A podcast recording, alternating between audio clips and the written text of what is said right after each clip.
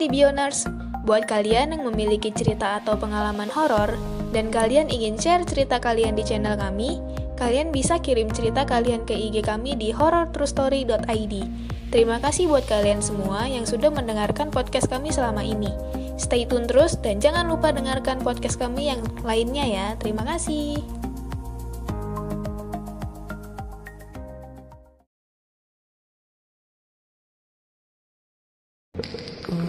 Halo,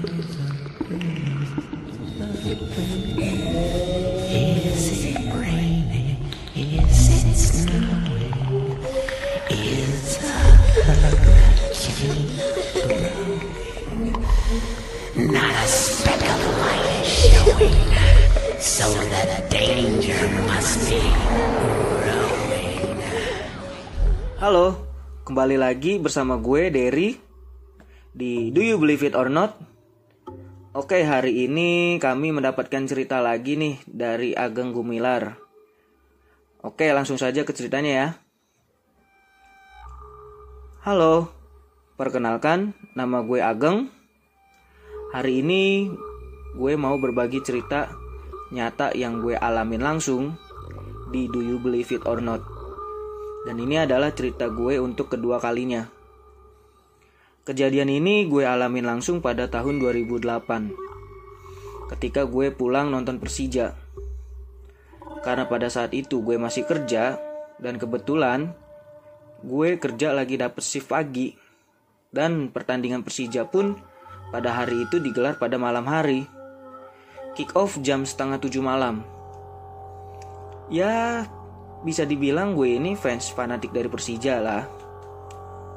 Jadi ketika Persija main di mana pun dan kapan pun, ketika gue bisa nonton langsung ke stadion, pasti gue akan nonton langsung. Pada saat itu, gue nonton Persija sama temen gue, cewek, namanya Putri.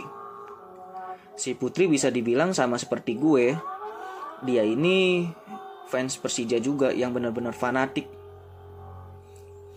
Rumah Putri dan rumah gue itu masih satu kampung, hanya beda RT saja. Karena gue paginya kerja, gue bilang sama Putri, Put, langsung ketemuan di stadion saja ya. Dan pulangnya baru bareng sama gue. Dan pada saat itu, pertandingan Persija selesai jam 9 malam. Dan seperti yang kalian tahu lah, ketika kita nonton pertandingan sepak bola langsung di stadion, pasti rame banget kan? Dan untuk keluar dari stadion pun harus bergantian. Dan waktu itu gue pulang bareng Putri naik motor gue. Rumah gue berlokasi di daerah Bojonggede. Dan gue pada malam itu baru bisa keluar dari stadion jam setengah 10 lewat kurang lebih ya jam 10 kurangan lah dan perjalanan dari stadion ke rumah gue itu kurang lebih 2 jam. Jadi waktu dulu jalan mau ke rumah gue itu hanya hanya hanya satu jalan dan itu gue harus melewati TPU dan di belakang TPU ada kali besar dan di seberang TPU ada pohon bambu dan pohon pisang. Bisa dibilang kebun lah. TPU dan kebun tersebut cukup panjang, yaitu sekitar 300 meter panjangnya lah, luasnya juga. Di TPU tersebut sudah terkenal angkernya. Bahkan warga di kampung gue gak ada yang berani lewat situ pun lebih dari jam 9 malam.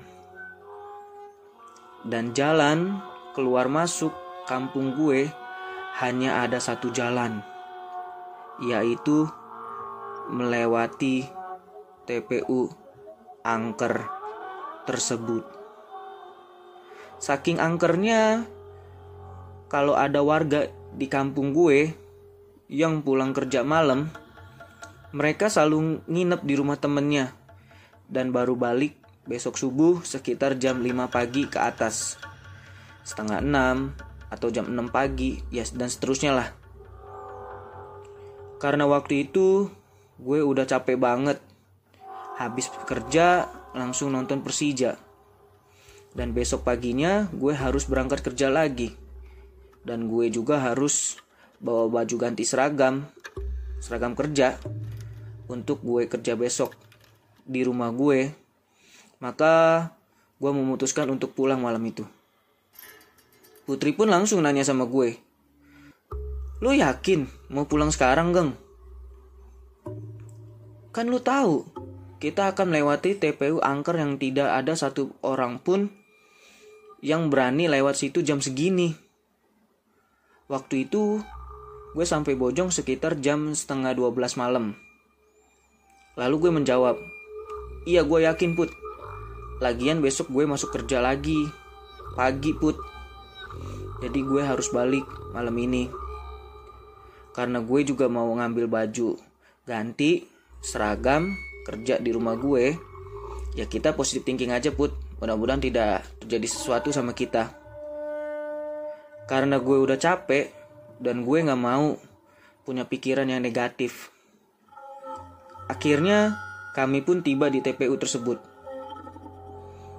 Dan benar saja, ketika gue melewati TPU tersebut, kami langsung mendengar suara wanita ketawa dari arah kuburan. Gue langsung melihat ke arah Putri dari spion motor gue. Gue ya, gue nggak, gue kepikiran cuma si Putri harus pulang sampai rumah dengan selamat. Pas gue lihat si Putri dari spion motor, gue melihat si Putri sudah menutup matanya dan wajahnya dengan tangannya. Lalu dia bersender di belakang punggung gue. Jadi si Putri tidak mau melihat ke arah depan, belakang, kanan, dan kiri. Dan suara pun makin lama makin kenceng ketawanya. Karena gue kesel dan capek pada malam itu, gue langsung ngegeber motor gue atau ya mengeraskan suara motor gue lah seperti kayak kita lagi manasin motor pagi-pagi.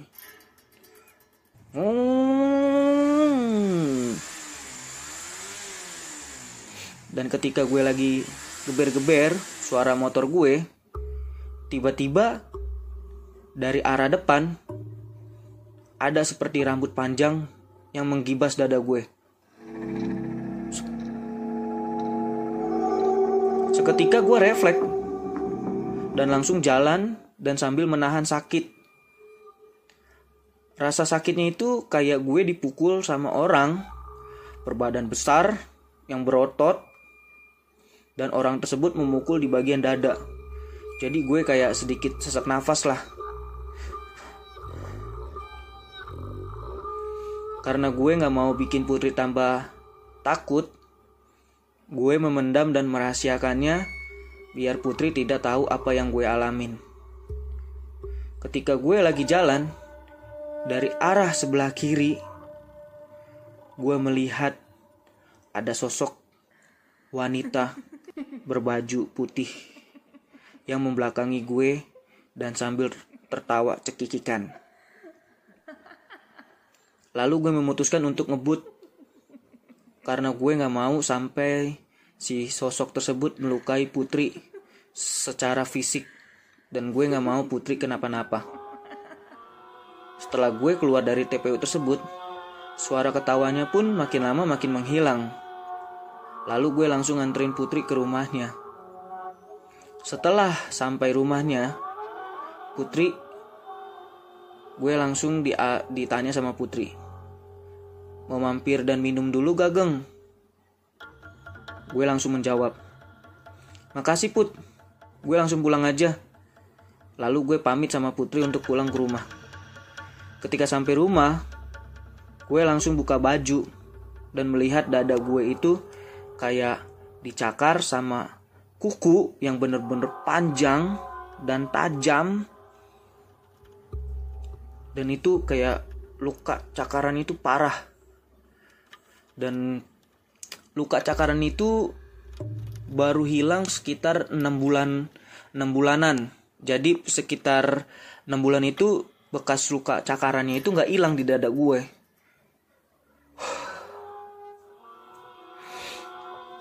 Dan keesokan harinya gue jatuh sakit selama satu minggu.